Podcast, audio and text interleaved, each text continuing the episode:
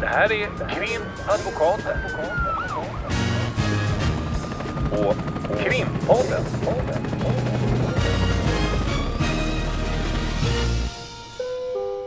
Parter och ombud kallas till sal 32. Hej Ulrika! Hej Lotta! Idag så ska vi eh, besvara lite frågor. Vi får ju faktiskt en hel del respons på den här podden, vilket vi verkligen uppskattar. Och då kan vi ju kanske också eh, passa på att säga att eh, den responsen får vi i och för sig på olika sätt, men ganska mycket kommentarer och, och frågeställningar på våran mejladress. som är- Podd at krimadvokater.se. Så P-O-D-D at krimadvokater.se. Yes.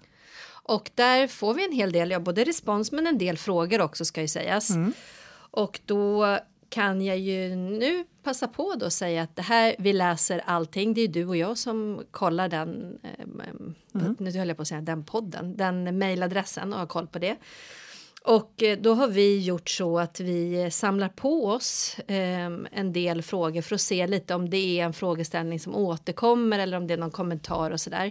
Och ibland har vi gjort så att vi har vävt in att svara på eller bemöta eller tagit upp någonting som någon har pekat på skulle vara intressant och så vidare i våra avsnitt. Mm, just det, och då kommer det inte som fråga-svar utan mer att eh, vi tar upp det. Ja, men exakt. Som att det är, är vår idé. Mm. Vi snyltar. Men, eh, ehm, och, eh, och sen då när det har samlat på sig och vi tycker att det liksom börjar bli lite att, att eh, det är många som frågar samma eller att det kretsar kring samma frågeställningar. Då har vi ju tidigare också haft ett sånt här eh, svara på frågor avsnitt och det tänkte vi också då ha idag. Yes. Och då är det framförallt två frågor. Ska vi köra igång med första? Ja, jag kan läsa det första mejlet. Det kom väl för... Det är några veckor sedan. Ja, det. Eh, och då står det så här. Eh, hur mår ni egentligen? Ni som försvarar folk som går och skjuter hela tiden. Kan ni sova gott? Varför försvarar ni hela tiden mördare och pedofiler? Låt dem sitta där och försvara sig själva. Niklas är det som har skrivit det här. Och eh, det här är ju, det är ju intressant och spännande för oss och det är inte bara positiv respons utan det kan vara såna här också att man är upprörd och så vidare. Eh, och då kan vi ju säga så här att den här det här inlägget får man väl säga eh, har vi ju kunnat eh, bryta ner i flera frågor som vi nu tänkte eh, inleda med. Och det möta. ena är då att, att om jag förstår dig rätt, då, hur mår ni egentligen, ni som försvarar folk som skjuter hela tiden? Ja, det vill vi- säga hur, om vi kan sova gott. Ja, så vi, om vi har delat upp det så här, det, det är flera frågor igen. Först så är det ju en fråga om vårt mående och vår sömn. Det kommer vi återkomma till. Eh, sen är det försvarargärningen som sådan. Ehm, och sen då en rättssäkerhetsaspekt, för att använda ett högtravande ord. Och sen är det frågeställningen som vi ju eh, kanske läser in i det här eller ser att det ligger lite och skvalpar under ytan. Finns det möjlighet att välja bort? Kan man säga nej till ett uppdrag eh, på grund av rubricering eller annat? Ja, att vi, vi skulle säga nej till eh, att eh, åta oss ett uppdrag där någon är misstänkt för mord eller sexuella övergrepp. Mm. Yes, Men shoot! ska vi, ska, vi, ehm, ska vi bena upp också meningarna? Försvara folk som går och skjuter hela tiden. Mm. Vad säger du om det?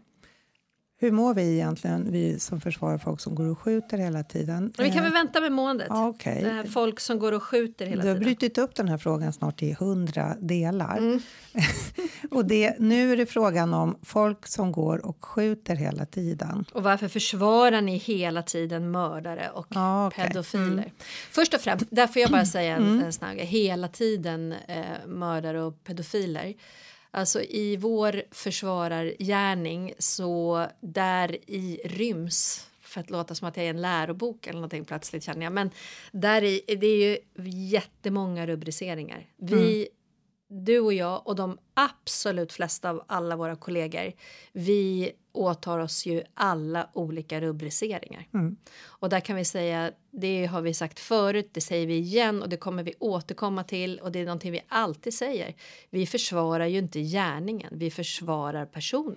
Och det, det är ju eh, lätt som en plätt att säga så. Jag vet inte om det är lika lätt att hålla med om det om man inte jobbar som försvarare och tänker Nej. sluta tjata om att ni inte försvarar gärningen utan att ni försvarar personen.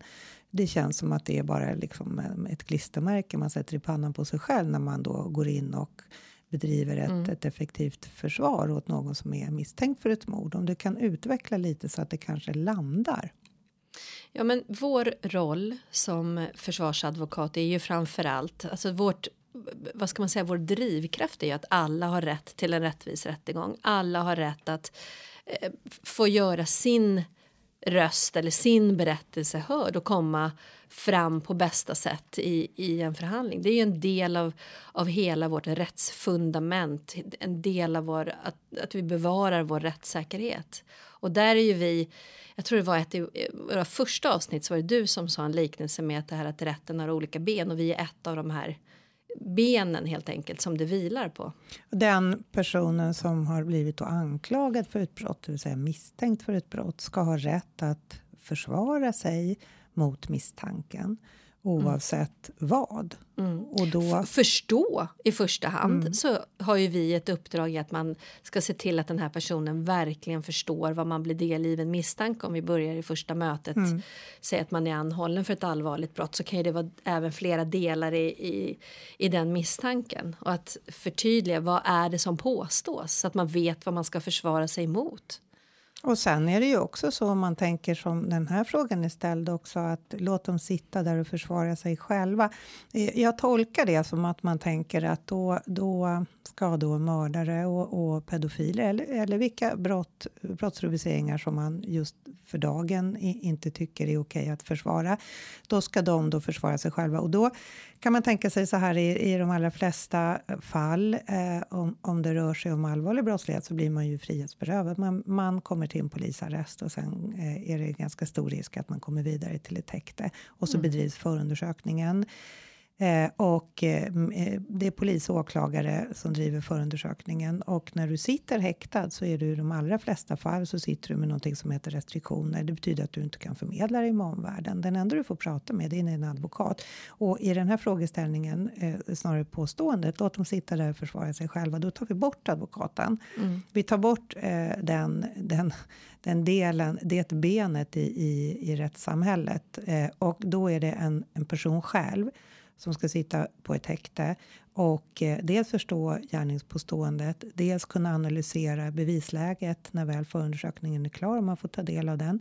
Dels eh, kunna åberopa vittnen och höra vittnen och sen också processa själv, hålla förhör, hålla sakframställan, hålla slutplädering, göra en bedömning i påföljden. Mm, också, och, också veta vad är det jag ska trycka på för att visa till exempel att man är oskyldig eller att man har någon sorts annan nöd, nödinvändning eller nödvärnsinvändning eller någon annan invändning som kan vara relevant att lyfta fram. Och bara en sån sak som att om du sitter frihetsberövad med restriktioner så är, får du ju inte förmedla dig med omvärlden så att du, du kan inte prata med de vittnen som du kanske vill ska höras i rätten.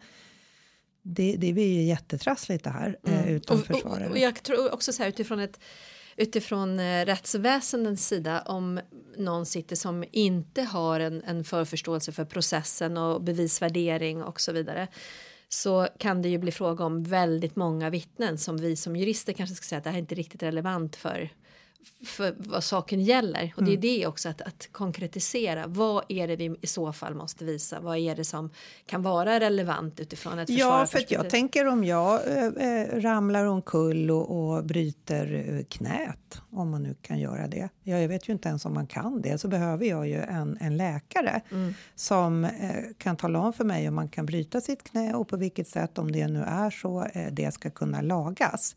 Och då är det på det sättet att då finns det ingen möjlighet för mig att göra en bedömning av om jag ska laga mitt knä eller inte om jag inte har en läkare. Nej. Och nu eh, är det ju på samma sätt. Vi har ju en yrkesroll, vi är jurister, vi är utbildade på universitetet, vi har eh, lång erfarenhet innan vi ens hamnar i de här ärendena. Och då eh, är det ju, det bygger ju på att vi har en kunskap. Mm. Vi, har, eh, vi ska kunna företräda klienten och besvara frågor och, och eh, alltså biträda klienten. Och, och som du säger, om en klient skulle själv få välja och vara ensam utan en advokat eller om den här frågeställaren eller påståendeställaren menar att man tar bort advokater då kanske det skulle verkligen vara så att processen skulle bli överbelastad. Mm. Därför att det skulle bli på det sättet att man har ju svårt att som icke-jurist navigera i hur ska jag bedriva motbevisning? På vilket sätt ska jag hålla förhör med vittnen? På vilket sätt ska jag hålla förhör med mig själv eller med Mm. målsäganden om det finns en sån? Och det finns ju också den här aspekten att jag tror att om man är drabbad själv, ta de här målen som mycket handlar om eh, relationsvåld eller någonting inom familjer och så vidare där det är väldigt emotionellt. Att Man kanske menar att är, man är falskligen anklagad eller att det är överdrivet eller och så vidare. Hur skulle du, säg att du skulle misstänkas för något brott Ulrika. Skulle du välja att försvara dig själv? Jag menar du är ändå oerhört erfaren och Nej, det- skicklig advokat. Skulle, eller skulle Nej, du? det, det, det kan man ju säga så här att nej, det är väl självklart. Man brukar väl säga det att, att eh, om, om en advokat ska försvara sig själv så, jag kommer inte ihåg vad man säger, då får man sin sämsta klient eller vad det nu är. Eller tvärtom, sämsta advokat, kanske både och. I vart fall så är det ju så att är man på minsta sätt inblandad känslomässigt i någonting så eh, tänker man fel i de allra flesta fall. Om, eh, därför försvarar inte jag eller eh, företräder som målsägande beträde nära anhöriga eller nära, nära vänner. Nej. Därför att då är det lätt att man inte håller sig till den struktur som finns, till det regelverk som finns, utan man agerar emotionellt därför att man är närmare Mm. den personen än vad man är kanske närmare sin, nära sin advokatgärning. Och därför är det alldeles självklart att, att eh, blir man anklagad för ett brott så vill, man, vill jag vara företrädare av en advokat. Mm. Allt annat vore omöjligt. Mm. Sen gäller det nog också att, att eh, förhålla sig eh, ganska neutralt till advokatens advokatgärning och inte komma med massa olika synpunkter för där blandar man ju också ihop Mm. känsloregistret med, med anklagelsen och så. Mm. Så det är, är negativt helt enkelt. Men eh, det här med att, att sova gott då? Mm. När, när du nu eh, går hem efter att du har suttit på ett förhör. Mm. Eh, din klient är, är misstänkt för mord och så eh, har ni fått titta på vet jag, övervakningsfilmer. Mm. Och klienten förnekar brott och, och säger att det inte är jag som är på de här filmerna. Men, men du får också bevittna ett ganska kallhamrat, vi säger knivmord. Mm. Någon som har huggit någon nu 20-30 gånger till den dör. Mm. Och så ska du då gå hem på kvällen. Kan du då sova gott som frågeställaren frågar? Ja, hur mår man egentligen i det här yrket? Eh, ja, alltså jag måste säga, och det här tror jag är, är det är säkert individuellt, men jag, jag tror att när man, när man också har några år nu i det här yrket och en erfarenhet så blir det mer och mer så att man eh, har den här rationella rationella angreppssättet. Det får inte bli emotionellt utan jag tycker att direkt när man sitter i ett förhör då sätter liksom försvarar hjärnan igång. Mm. beroende naturligtvis på klientens inställning. Men vi säger då förnekare det är inte ens jag på filmen. Så tar man ju alla halmstrån som man då får och, och det här har vi pratat om, vi vet ju inte all bevisföring och så vidare i, i de första förhören vet vi ju väldigt lite, där är det egentligen mest klientens berättelse. Men säg då att man redan där då får se en övervakningsfilm och klienten säger absolut inte, det här är inte jag. Och då är det ju att man redan där börjar säga okej, vad kan vad visar att det är min klients ber- berättelse som är den, den korrekta? Man börjar liksom redan arbeta. Det finns inte utrymme för känslor. Det, det, det dyker inte ens upp i det, brukar- i det läget. Nej, och jag brukar säga det. eh, Den här frågan är ju inte så där särdeles ovanlig. Nej. Det här med att- försvara pedofiler, den har vi pratat om tidigare. Den dyker Mm. ju gärna upp. Eh, Tack och lov har, har jag sluppit det nu de senaste antal åren. Men det, det är ju en fråga som inställer sig ganska Mm. ofta. Men det här med att man får bevittna via till exempel övervakningsfilmer eller via mobiltelefoner eller så, ett, ett väldigt allvarligt brott. Eh, hur, hur, hur, man liksom, ja, hur man sover då. Och då eh, brukar jag säga när jag får den frågan att jag säger precis som du, att man är, är så hjärnan är, blir ganska fyrkantig. Vi går ju in i ett jobb. Mm. På samma sätt som en hjärnkirurg eh, går in i att den ska operera en hjärna. Den eh, hjärnkirurgen förutsätter jag håller inte på och, och tänker hur, hur läskig den där hjärnan såg ut. Då. Utan Eller- det är ett jobb en- man går in i. Ja exakt, jag tänker de här läkarna på akuten som tar emot de som har blivit skjutna nu i samband Mm. med de här skjutningarna. Att när de får in då skottskadade som kanske är svävar mellan liv och död och så vidare. Då är det ju inte så här oj vad hemskt.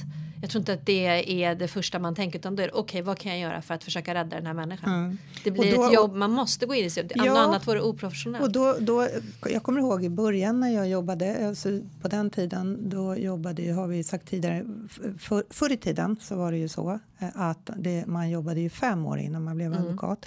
Och då eh, jobbade jag eh, med en kollega till mig som, vi- tror vi båda ville jobba som försvarare. Och sen så eh, fick den kollegan ett uppdrag. Och när, när hon hade det uppdraget så insåg hon ganska snart att det här, det här kommer inte jag att vara intresserad av att göra. Därför att det, var, det, det kom in såna aspekter som den här personen och hur ska jag göra och nu tycker den här personen att det här är, är väldigt jobbigt och, och hur ska jag hantera det? Så att det blev, det blev eh, ja, jobb, svårt helt enkelt. Och då valde hon att göra någonting helt annat. Hon, hon är jätteduktig på en helt annan typ av juridik nu. Men då tänker jag att, att det kanske är så att man, man jobbar inte med det som man... Alltså vi jobbar ju med det vi tycker är det mest eh, intressanta och utmanande.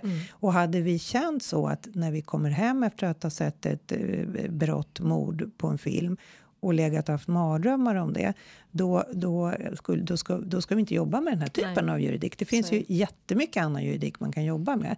Och någonstans så, så blir ju så, hjärnan blir ju liksom fyrkantig och juridisk. Det är ju som ett Excel-ark helt enkelt. Man Mm. fyller i de luckorna som behövs och man, som du säger, säger klienten det är inte jag på den här bilden. Då tittar man jättenoggrant på bilden och sen så tittar man på vad det är som, som då skulle kunna visa att det faktiskt inte är säkert att det är den personen. Mm.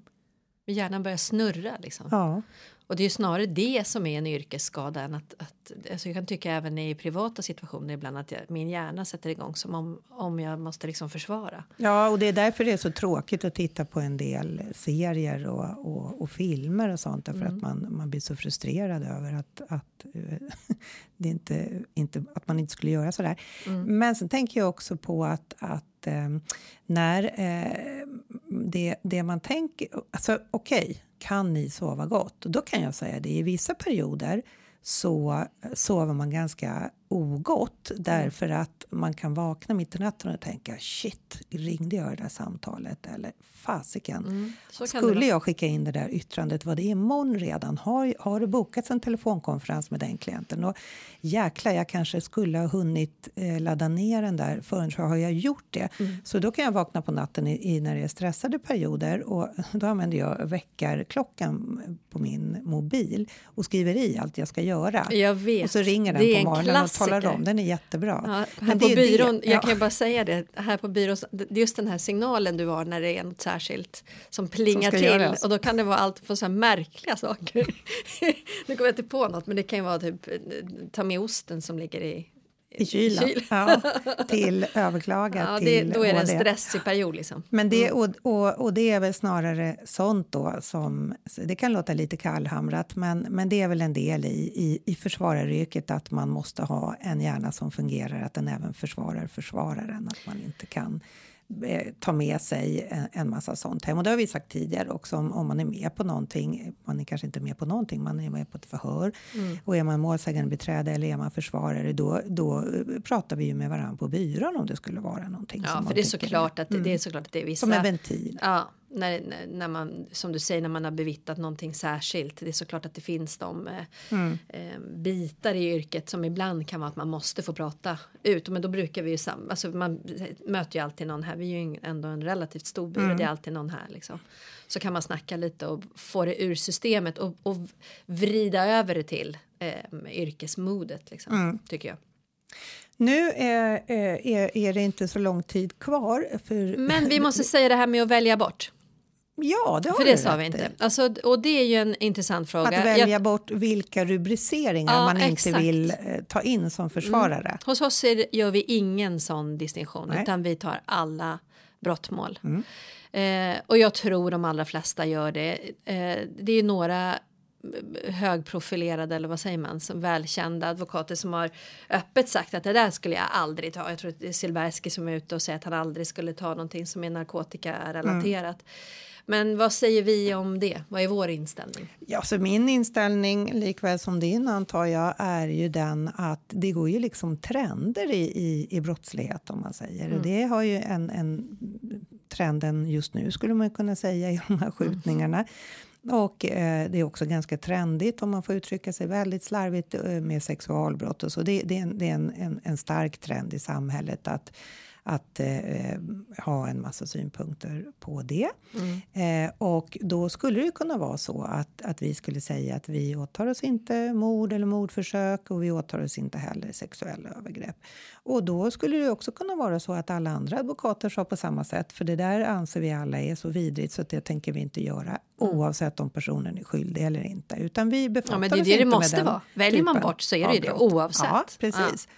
Och då är, hamnar vi i ett läge att om alla, samtliga advokater, vilket det, det låter ganska teoretiskt, men tanken tål att tänkas, väljer bort eh, samtliga sexualbrott eh, eh, och, och, så betyder det att den dagen man själv då blir misstänkt för ett sexualbrott så finns det ingen försvarare att uppbåda. Därför att försvararna har ansett att det här är så förskräckliga brott så att det ska inte försvaras oavsett om du är skyldig eller oskyldig.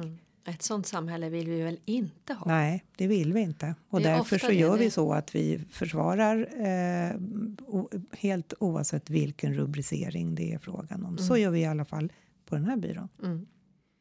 Men jag, jag vill inte alls forcera, fast det vill jag. Mm. Och det är för att jag ska iväg på en förhandling och du ska iväg på ett förhör. Mm.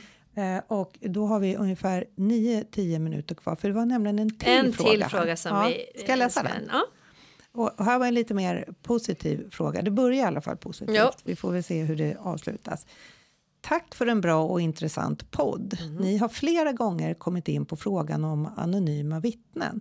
Varför är ni så negativa till att ta kraftgrepp? Håller ni inte med om att om ingenting görs för att skydda vittnen kommer ingen att kunna dömas för något alls eftersom ingen kommer komma dit till domstolen och vittna? Vad handlar det här om då? Ja, här kan man ju också egentligen bena upp i, i flera frågeställningar. Typ man, juristsjuka. ja, verkligen. Ja, men det är Jag bra. väljer Det- att svara på frågan. Ja, vad, vad ska man ha för egenskap om man ska vara en bra advokat? Analytisk. Det så är det ju. Ehm, ja, nej, men om vi börjar med det här att vi är negativa till att ta kraftgrepp. Om vi är negativa till anonyma vittnen, det tror jag vi har varit tydliga med. Ja, vi ifrågasätter nog värdet av det helt enkelt. Det finns flera aspekter. Ehm, om man säger så här. Eh, dels så vet vi att i andra länder, Norge exempelvis, om jag inte har fel, så har man den, den, det institutet, man säger den strukturen att man kan ha anonyma vittnen och jag tror aldrig man har använt det därför att det anses vara så ett lågt bevisvärde så att det, är, det har man helt enkelt inte behövt använda sig av. Men det är ju också så att det man glömmer bort i det här, det här är ju enligt vad jag tycker, eh, de här snabba, mer populistiska besluten som kommer, inte minst nu när vi är ett valår. Mm. Även om det liksom har flaggats tidigare och så vidare så är vi ju alltid någonstans mellan val och det är mycket det här valfiskeriet. Eh, och med anonyma vittnen då glömmer man bort komplexiteten. Alltså då, då ser man bara här, ja men när det är de här gängkriminella och skjutningarna och så vidare. Då vågar ingen vittna därför att då riskerar man repressalier och, och hot och så vidare från andra. Men brotts skalan om man säger eller det som vi hanterar i domstolen med vittnen är ju så oerhört mycket vidare än, än bara den här typen av som man just nu tycker att man ska flagga upp väldigt mycket med. Ta till exempel ett, ett mål där det är en, eh, en person som eh, blir misstänkt för, vad vet jag, misshandel eller någonting relaterat till hemmet eller familjen eller något vidare och som verkligen är så att men det här har inte hänt, jag förstår inte. Vem är det som har gjort anmälan? Det har aldrig hänt. Och då skulle man inte veta vem som påstår någonting och så kanske man vet ifrån klientens håll att ja, men det är ju en granne som anmält till störningsjouren i flera år och det blir aldrig någonting och så vidare och så vidare. Alltså det, det kan vara väsentligt för bevisvärderingen och för vad ska man säga, processen och handläggningen under förundersökningen. Att veta vem är det som har sagt var? Vad har ja, den personen varit? Vad är det för... in då eh, ett anonymt vittne eh, och, och, och, och, man vet inte hur man ska försvara sig mot det vittnet därför att man inte vet vem det är. Nej. Och som du säger. Och utifrån det... vilket perspektiv kommer de här påståendena? Eller ja, man kan ju aldrig veta vem, vem och varför. Men Nej. om man får reda på då att det här anonyma vittnet eller de här uppgifterna kommer ifrån den grann grannen som har anmält dig 58 gånger till eh, störningsjouren och störningsjouren har kommit 57 gånger och det har inte hänt någonting. Mm. Och nu den 58 gången har det renderat till en polisanmälan och man eh, inte har en aning om att det är ens granne. Det skulle ju vara en ganska lätt som en plättförklaring och, och, och också kunna motbevisa då mm. vad som har hänt med att visa Exakt. att det har inte blivit några åtgärder innan. Så det är väl det man kan säga varför vi varför vi har pratat om det här och det är därför att vi också båda två upplever, inte bara vi utan eh, många inom vårt yrke upplever ju att det finns en ganska stor risk att det här med anonyma vittnen så småningom tyvärr kommer att sjösättas. Mm. Men eh, när man då är från frågeställarens sida, det var snällt att det stod tack för en bra intressant podd. Mm. Men sen står det också varför är ni så negativa till att ta kraftgrepp? Och jag skulle nog vilja påstå att vi inte är ett dugg negativa till att ta kraftgrepp. Nej. Men vi är negativa till eh, institutet med anonyma vittnen. Och det grundar sig också på därför att det finns ingen effektivitet i det. För som du säger, mm. när man har prövat i olika länder, framförallt Norge, så har man ju eh, valt att inte heller åberopa därför att domstolarna inte tycker att det fanns något värde i det anonyma vittnet. Så det är väl mm. frågan, och det är också en effektivitet jämställdhetsfråga. Och kraftgrepp, det tror jag inte vi är främmande till, främmande inför, utan det är väl snarare det att man måste börja titta på Var? varför, varför har vi en situation som vi har idag? Eh, varför är det så nu när man har ifrån eh, polis och åklagare och domstolars sida fällt eh, jättemånga människor, bland annat mm. från Encrochat som vi har, har, pratat om tidigare, sitter eh, ganska många människor på våra anstalter och häkten mm. med ganska höga positioner inom den här gängkriminaliteten som man pratar om. Mm. Man pratar också från polis och åklagares sida att det är höga positioner. Och då har vi fått höra här, här alldeles nyligen att skjutningarna har inte alls gått ner. Mm. Nyrekrytering investeringarna är i full gång. Mm. Eh, och eh, då kan man ju tänka så här att någonstans är det väl kanske där kraftgreppen ska tas mm. eh, för att hindra nyrekrytering. För att om man spärrar in alla människor man anser då tillhör en kriminalitet så är ju inte efterfrågan på den kriminella gärningen mindre. Nej. Det här narkotikan som flödar eh, vitt och brett eh, mm. över de olika partyställena, bland annat här i Stockholm. Mm. Det suget efter narkotika, det minskar ju inte när man är ute och partajar och vill köpa lite koks. Eh, det, det, minskar ju inte för att man sätter folk i fängelse utan de som är ute och partajar och vill ha lite koks de kommer att fortsätta vilja det mm. och då kommer det nyrekryteringar och varför väljer då för det mesta unga människor att då kliva i de galoscherna mm. och, och traska vidare och, och riskera fängelse. Det är väl kanske där kraftgreppen ska tas. Och det, det vi väl är också lite oroliga om man ska säga det, det är ju det här att om man då viftar med det här som man kan kalla då valfiskeri med det här med anonyma vittnen och vi pratade om det här i tidigare avsnitt om kronvittnen och så mm. vidare. Risken är ju att ja men nu har vi gjort någonting. Nu, nu ska man höja, man, man snackar i alla fall om att man ska höja minimistraffet för våldtäkt med ett år, nu två år minimi, höja upp det med allt det här nu tar vi kraftgrepp mm. som i vår värld kanske är ineffektivt mer eller mindre eller i alla fall skicka ut fel signaler beroende på vad det är man, man pratar om.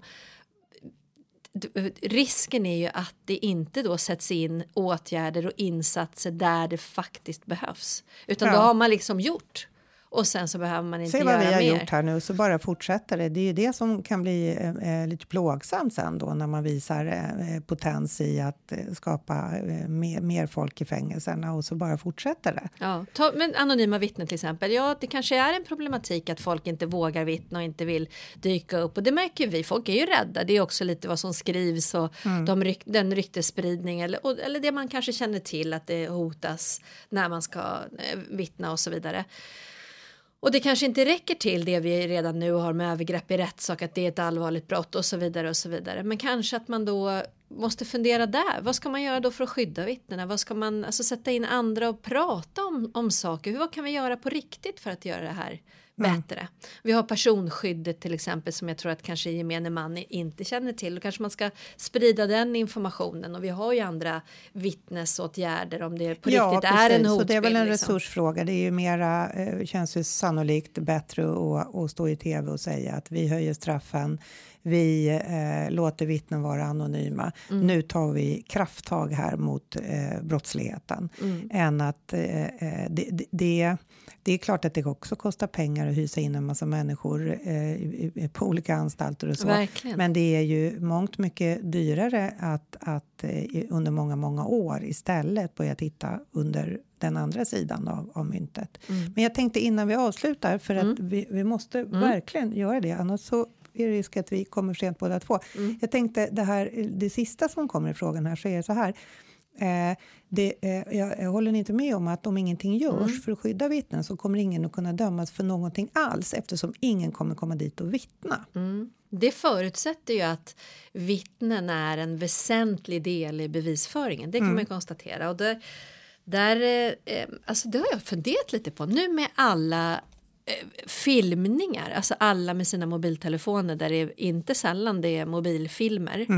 Eh, övervakningskameror oerhört större utsträckning än vad det var för några år sedan. Verkligen. Vi har ju de här Encrochattarna du var inne på, chattarna. Vi har hök som vi säger, alltså såna här uppkopplingar på olika master. Jag skulle säga att att det är det idag som är den huvudsakliga. I de flesta lite större mål så är det egentligen den tekniska. Den tekniska bevisningen och det är allt ifrån DNA-analyser. DNA, Mm. telefoner som du säger, hur man rör sig med sin telefon och vad som finns i telefonen. Mm. Och som dagens telefoner är ju som en gigantisk dator. Det Mm. finns ju jätte- jättemycket information och när vi sitter i de stora målen är det ju oftast så att det är den tekniska bevisningen som är det som är antalet sidor förundersökningen. Mm. Eh, vittnesmål är, är ju inte så där jättevanligt att det är, är, finns egentligen vittnen på plats. Eh, och när det finns det, då, eh, då är det i de fallen då som den här frågeställaren tänker att då är det okej att köra med anonyma vittnen för det är enda sättet att få fast den här personen.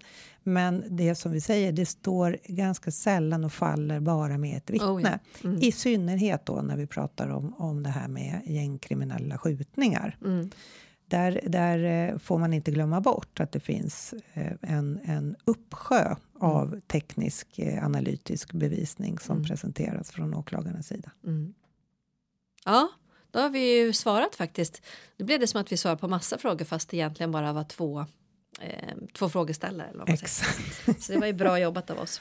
Men vad bra, då, då eh, ska vi spurta vidare här. Det är faktiskt inte så ofta som vi lyckas eh, spela in podd dagtid. Nej, Och verkligen. det har, vi har verkligen eh, kämpat med näbbar och klor för att lyckas ha den här korta stunden här under dagen. Och det har tryckts på ifrån olika håll Mm. om att vi egentligen ska vara någon annanstans. Så jag ska kuta iväg till en taxi och du ska faktiskt för ganska nära här så jag antar att du ska kuta på dina ben. Mm. Bryt inte knät. Mm, den så kallade vardagsmotionen. Exakt. Mm, det är toppen.